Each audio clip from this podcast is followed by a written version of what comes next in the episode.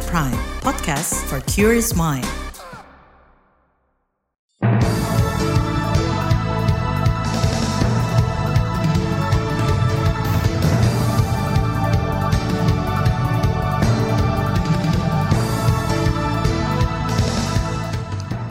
Selamat pagi saudara, berjumpa kembali dalam Buletin Pagi edisi Kamis 16 November 2023. Saya Naomi Liandra. Sejumlah informasi pilihan telah kami siapkan di antaranya. KPU bakal buat fakta integritas kampanye pemilu damai. Polri keluarkan telegram khusus untuk jaga netralitas polisi. KPK dikabarkan OTT pejabat dinas PUPR di Bondowoso, Jawa Timur. Inilah Buletin Pagi selengkapnya terbaru di Buletin Pagi. Komisi Pemilihan Umum KPU RI berencana menggelar kegiatan deklarasi kampanye damai bagi seluruh peserta pemilu, termasuk para pasangan calon presiden dan wakil presiden. Komisioner KPU RI Idam Holik dalam deklarasi itu akan dibuat salah satunya terkait materi fakta integritas atau pernyataan perjanjian. Pada tanggal 27 November 2023, KPU berencana akan menyelenggarakan deklarasi kampanye damai untuk seluruh peserta pemilu tingkat nasional dikarenakan sehari kemudian pada tanggal 28 November 2023 adalah hari pertama pelaksanaan masa kampanye pemilu serentak 2024. Idam Holik menjelaskan prinsip deklarasi kampanye damai dan fakta integritas bertujuan mewujudkan proses demokrasi elektoral Indonesia agar semakin matang.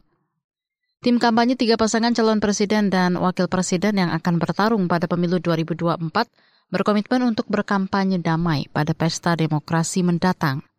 Wakil Ketua Koordinator Strategis Tim Kampanye Nasional TKN Prabowo Gibran, Grace Natali, mengatakan koalisinya berkomitmen untuk kampanye santun, damai, dan jauh dari pesan-pesan negatif. Komitmen tersebut akan dituangkan ke dalam fakta integritas atau komitmen bersama di koalisi. Ia juga berharap fakta itu bisa segera difasilitasi oleh KPU RI. Pasti ada Mbak, cuman bentuknya apa ini sedang dibicarakan di dalam tim karena timnya besar kan jadi banyak aspirasi uh, kata finalnya belum ada, tapi uh, semangat ke situ sudah ada Mbak, gitu. Tapi bentuknya apa nih belum final nih Mbak, sedang dibicarakan. Itu tadi Wakil Ketua Koordinator Strategis TKN Prabowo Gibran, Grace Natali. Sebelumnya calon presiden nomor urut 2 Prabowo Subianto menyebut pelaksanaan pemilu yang curang akan mengkhianati bangsa dan rakyat Indonesia. Sementara itu Partai Keadilan Sejahtera, salah satu partai pendukung pasangan nomor urut 1 Anies Baswedan dan Muhaimin Iskandar, mendorong fakta integritas bagi para peserta Pilpres 2024.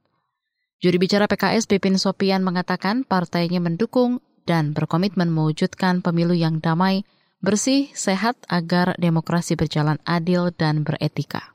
Ya kami setuju dan kami komitmen untuk menjalankan fakta integritas itu. Tapi yang paling penting menurut saya adalah penegakan hukum, penegakan aturan yang adil bagi semua. Tidak ada menganak emaskan kepada salah satu calon.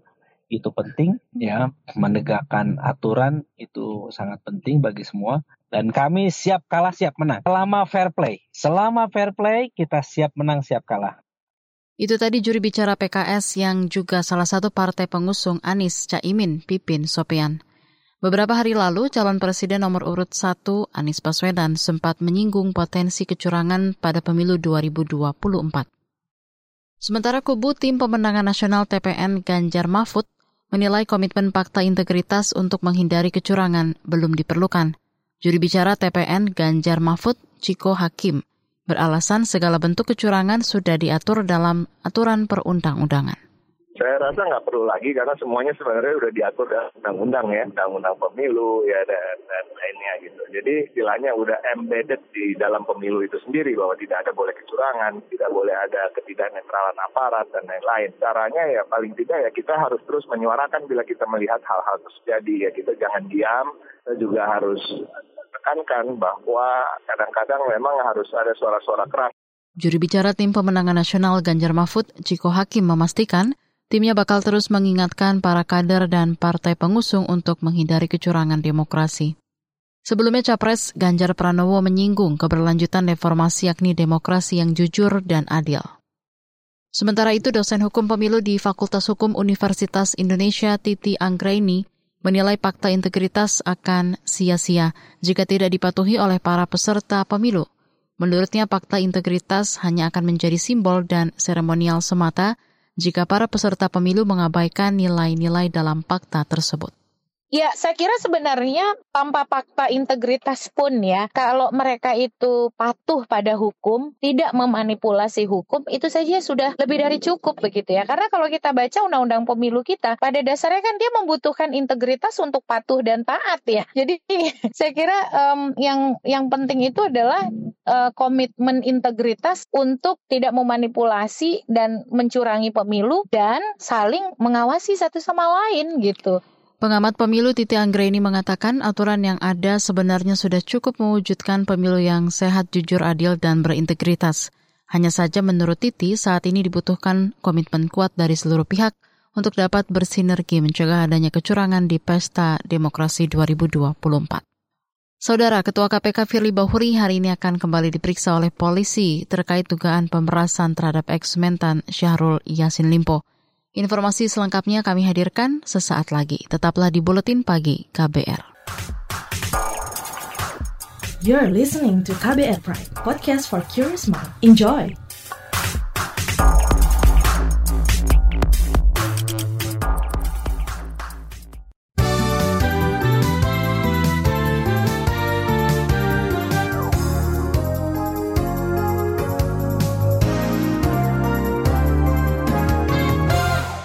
Anda sedang mendengarkan Buletin Pagi KBR. Wakil Presiden Maruf Amin meminta Badan Pengawas Pemilu Bawaslu RI meningkatkan tugas pengawasan selama proses pemilu. Maruf Amin mengatakan pesta demokrasi lima tahunan rawan isu krusial seperti hoax, politik identitas hingga politik uang. Ya, saya minta pengawasannya lebih ketat lagi ya untuk sekarang ini ya. Ya, karena biasanya memang kalau menjelang pemilu itu akan terjadi juga isu-isu seperti itu disinformasi juga termasuk dan kemudian juga politik uang. Nah ini pengawasannya dan di sini memang dituntut yaitu peran pengawas. Jadi pengawas pemilu itu harus harus jeli, harus tegas. Wakil Presiden Maruf Amin mengatakan mekanisme pemberian sanksi juga harus dipertegas bila ditemukan pelanggaran. Pimpinan Polri mengklaim sudah mengeluarkan surat telegram berisi petunjuk dan arahan kepada seluruh personel jajaran untuk menjaga netralitas pada pemilu 2024. Kepala Badan Pemelihara Keamanan Kabar Hakam Fadil Imran mengatakan Polri sudah sangat paham terkait larangan keberpihakan baik pada pemilu legislatif maupun pemilu presiden. Itu netralitas merupakan isu yang selalu mengemuka dalam pelaksanaan kegiatan pemilu. Oleh sebab itu, Polri telah mengeluarkan petunjuk dan arahan pada jajaran sebagaimana yang tertuang dalam ST nomor 2407 10 Romawi tahun 2023. Itu tadi Kepala Badan Pemelihara Keamanan Fadil Imran. Sebelumnya sejumlah pihak termasuk Koalisi Masyarakat Sipil untuk Pemilu Demokratis mengklaim menemukan sejumlah dugaan pelanggaran netralitas oleh personil Polri mulai dari ikut memasang dan menurunkan baliho kontestan pemilu, mendatangi kantor partai politik hingga mengintimidasi mahasiswa yang kritis. Ketua KPK Firly Bahuri memastikan akan menghadiri panggilan pemeriksaan di Badan Reserse dan Kriminal Polri hari ini. Dikutip antara, Direktur Reserse Kriminal Khusus Polda Metro Jaya Ade Safri Simanjuntak mengatakan Firly akan diperiksa sebagai saksi kasus pemerasan oleh pimpinan KPK terhadap bekas Menteri Pertanian Syahrul Yasin Limpo. Ade menjelaskan, rencananya pemeriksaan dilakukan pada pukul 10 pagi ini di Gedung Baras Krim Polri. Pemeriksaan Firly akan dilakukan penyidik gabungan dari Mabes Polri dan Polda Metro Jaya. Firly Bahuri juga pernah diperiksa di Baras Krim Polri dalam kasus yang sama pada Selasa, 24 Oktober 2023. Firly sudah empat kali dipanggil untuk menjalani pemeriksaan namun hanya sekali datang. Beralih ke informasi ekonomi. Presiden Joko Widodo hari ini diagendakan menghadiri konferensi tingkat tinggi kerjasama ekonomi Asia Pasifik atau KTT APEC di San Francisco, Amerika Serikat. Jokowi juga diagendakan melakukan pertemuan bilateral dengan para pemimpin negara anggota APEC. Sejumlah menteri yang mendampingi Jokowi, yakni Menteri Koordinator Bidang Perekonomian Erlangga Hartarto, Menteri Luar Negeri Retno Marsudi, Menteri Keuangan Sri Mulyani Indrawati, dan Kepala Otorita IKN Bambang Susantono. Badan Pusat Statistik BPS mencatat hingga Oktober lalu nilai impor gula nasional mencapai 3,4 triliun rupiah.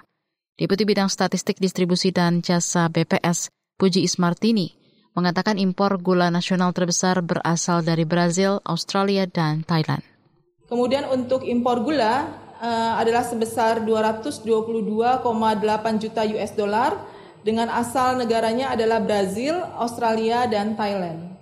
Saat ini harga gula naik ke level tertinggi sepanjang sejarah.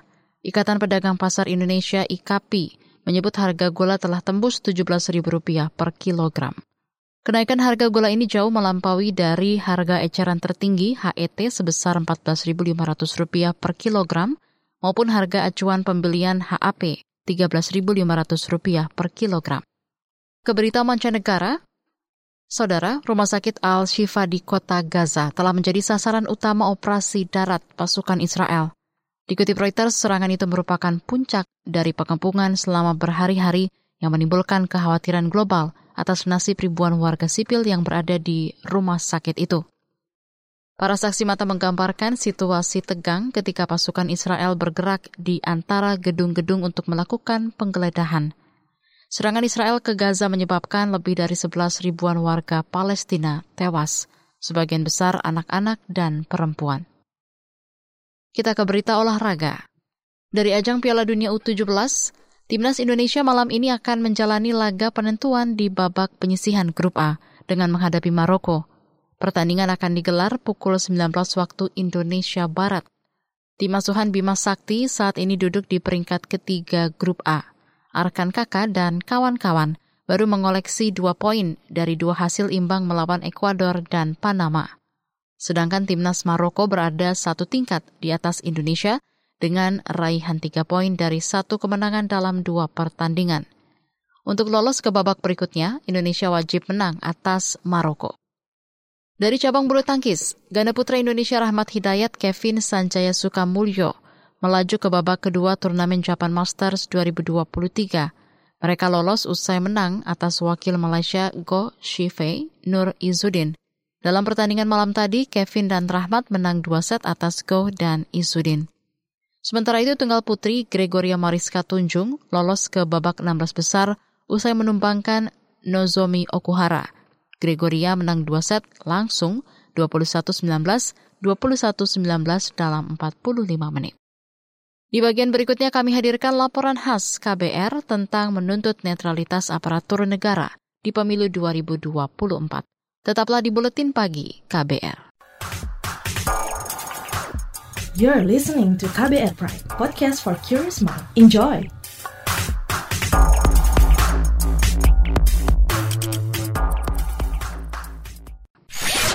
Commercial break. Commercial break. Buat kamu yang always hektik, apalagi di kantor yang toxic, working gak ending-ending, ditambah si bos yang grumpy, bikin salty. Apaan tuh artinya, Neng? Artinya si bos cerewet dan bikin bosen. Oh. Join yuk di KBR Pagi, siaran pagi radio paling update, menghadirkan berbagai informasi yang paling update dan terkini, ditambah playlist yang lit and chill. Apaan lagi ini artinya, Neng? Ih, rese. Artinya keren dan menyenangkan. Oh iya iya. Simak KBR Pagi setiap Senin sampai Jumat mulai pukul 7 pagi di radio jaringan KBR dan podcast kbrprime.id.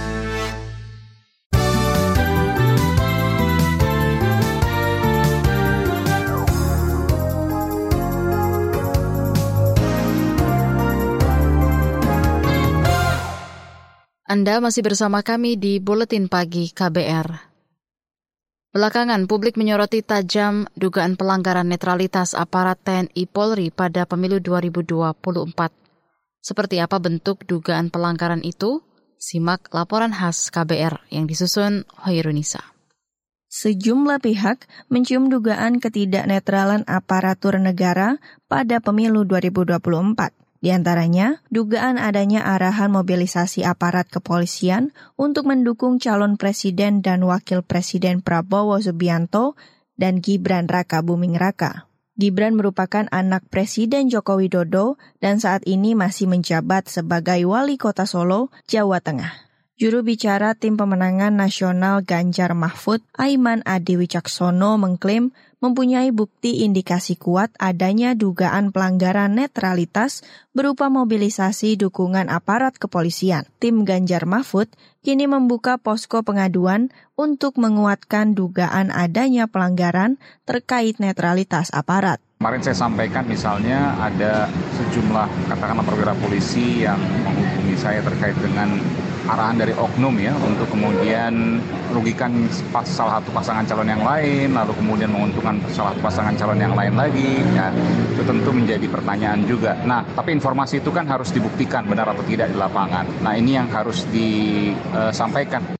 Sementara itu, Sekretaris Jenderal PDI Perjuangan Hasto Kristianto mengatakan partainya berencana membentuk tim hukum untuk mengadvokasi dugaan keberpihakan kepolisian dalam bentuk penyalahgunaan kekuasaan. Menurut Hasto, indikasi itu mencuat usai ada dugaan intimidasi aparat dengan mendatangi kantor pengurus PDI Perjuangan, Kota Solo, dan sejumlah daerah lainnya. Hasto mengatakan sikap anggota kepolisian itu di luar fungsi Polri dan tidak wajar. PDI akan mendalami apakah ada perintah dari pihak tertentu terkait dugaan intimidasi tersebut. Terkait berbagai dugaan itu, calon wakil presiden pendamping Prabowo Gibran Raka Buming Raka menyarankan agar temuan dugaan kecurangan pemilu dan keberpihakan aparat atau TNI dan Polri dilaporkan dan dibuktikan.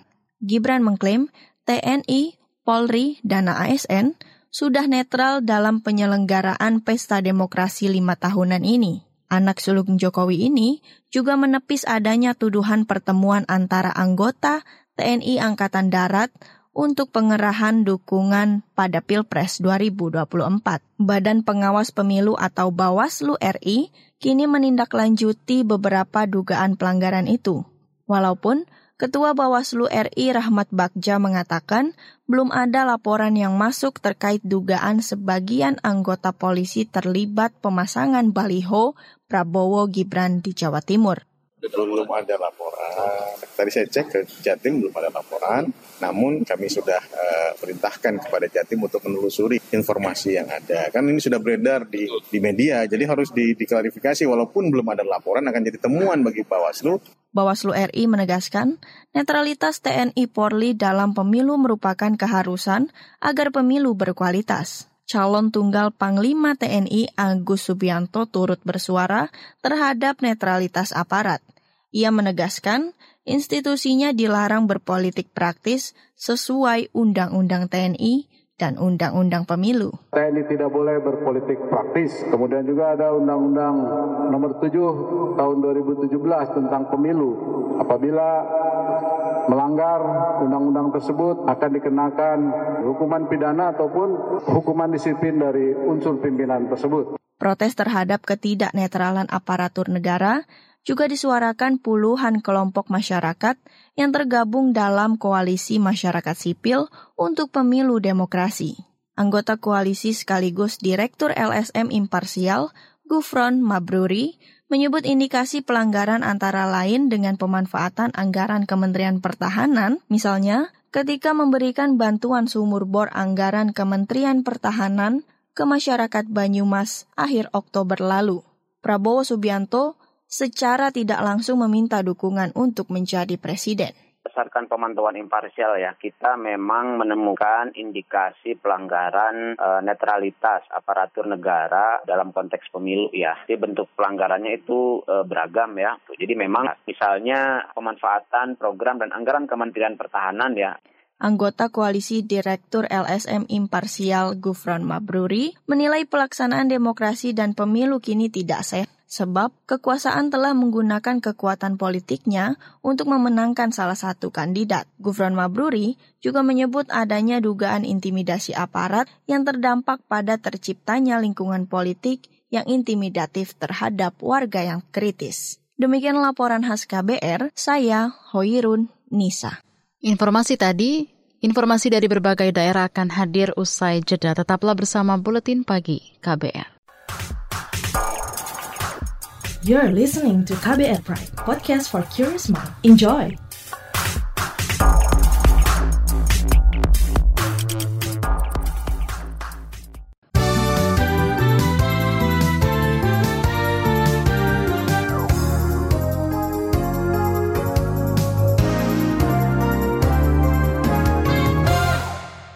Inilah bagian akhir buletin pagi KBR.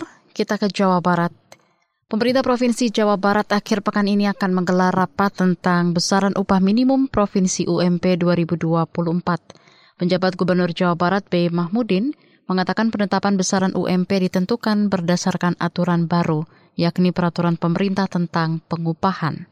Nah, itu ada dalam bentuk ada formula untuk rumus penyesuaian atau kenaikan upah minimum dan ada indeks atau alfa yang memiliki rentang 0,1 sampai dengan 0,3. Saya harap Dewan Pengupahan Provinsi segera bekerja merumuskan berapa minimum Jawa Barat itu. Jadi range di antara uh, 0,1 sampai 0,3 ini alfanya itu. Penjabat Gubernur Jawa Barat B. Mahmudin menjelaskan formula baru penghitungan UMP mencakup tiga variabel yaitu inflasi, pertumbuhan ekonomi, dan indeks tertentu. Upah minimum Provinsi UMP ditetapkan oleh Gubernur paling lambat selasa pekan depan. Komisi Pemberantasan Korupsi KPK dikabarkan melakukan operasi tangkap tangan atau OTT di Kabupaten Bondowoso, Jawa Timur. Dikutip antara, KPK diduga melakukan OTT terhadap seorang pegawai di Dinas Pekerjaan Umum dan Penataan Ruang PUPR Kabupaten Bondowoso. Berdasarkan informasi di lapangan, KPK melakukan operasi tangkap tangan terkait dengan penyelidikan pekerjaan proyek oleh Kejaksaan Negeri setempat. Hingga kini belum ada pernyataan resmi dari KPK terkait siapa saja pihak yang ditangkap dan konstruksi perkara hukumnya. Beralih ke Aceh, lebih dari 500 hektar lahan sawah yang tersebar di 12 kecamatan Kabupaten Aceh Barat terendam banjir. Dikutip antara Kepala Dinas Pertanian, Tanaman Pangan, dan Hortikultura Kabupaten Aceh Barat, Safrizal mengatakan, dampak dari bencana banjir ini mengakibatkan ratusan hektar lahan sawah milik petani rusak dan gagal ditanami. Safrizal menjelaskan sebagian besar lahan sawah milik petani terendam banjir dengan ketinggian air berkisar 30 cm hingga 1 meter lebih, masing-masing berusia tanam 1 hingga 15 hari. Bergeser ke daerah lain, Ketua Komisi Pemilihan Umum KPU RI Hashim Asyari melantik anggota KPU Provinsi Sumatera Selatan dan anggota KPU 8 kabupaten kota yang tersebar di Papua, Papua Pegunungan, Papua Selatan, dan Papua Tengah periode 2023-2028. Hashim berpesan agar para anggota bekerja berdasarkan peraturan perundang-undangan dan kode etik penyelenggara pemilu. Jangan segan-segan untuk membuka kembali, membaca kembali berbagai macam aturan tersebut, refreshing, penyegaran supaya kita selalu ingat apa yang kita kerjakan ada pedoman dan ada dasar hukumnya. Sehingga kalau kita pegangan pada peraturan perundang-undangan dan kode etik penyelenggara pemilu, kalau ada situasi yang kita harus digugat, harus dilaporkan, semuanya dapat kita pertanggungjawabkan karena kerja-kerja kita ini berdasarkan kepada segenap peraturan perundang-undangan. Hashim juga mengingatkan agar anggota KPU provinsi dan kabupaten kota yang baru dilantik bisa segera menyesuaikan ritme kerja karena pemilu 2024 telah memasuki tahapan akhir yakni 90 hari menjelang hari pemungutan suara. Informasi tadi menutup jumpa kita di Buletin Pagi hari ini. Pantau juga informasi terbaru melalui kabar baru situs kbr.id, Twitter kami di akun @beritaKBR, dan juga melalui podcast di alamat kbrprime.id. Saya Naomi Liandra bersama tim yang bertugas undur diri. Salam.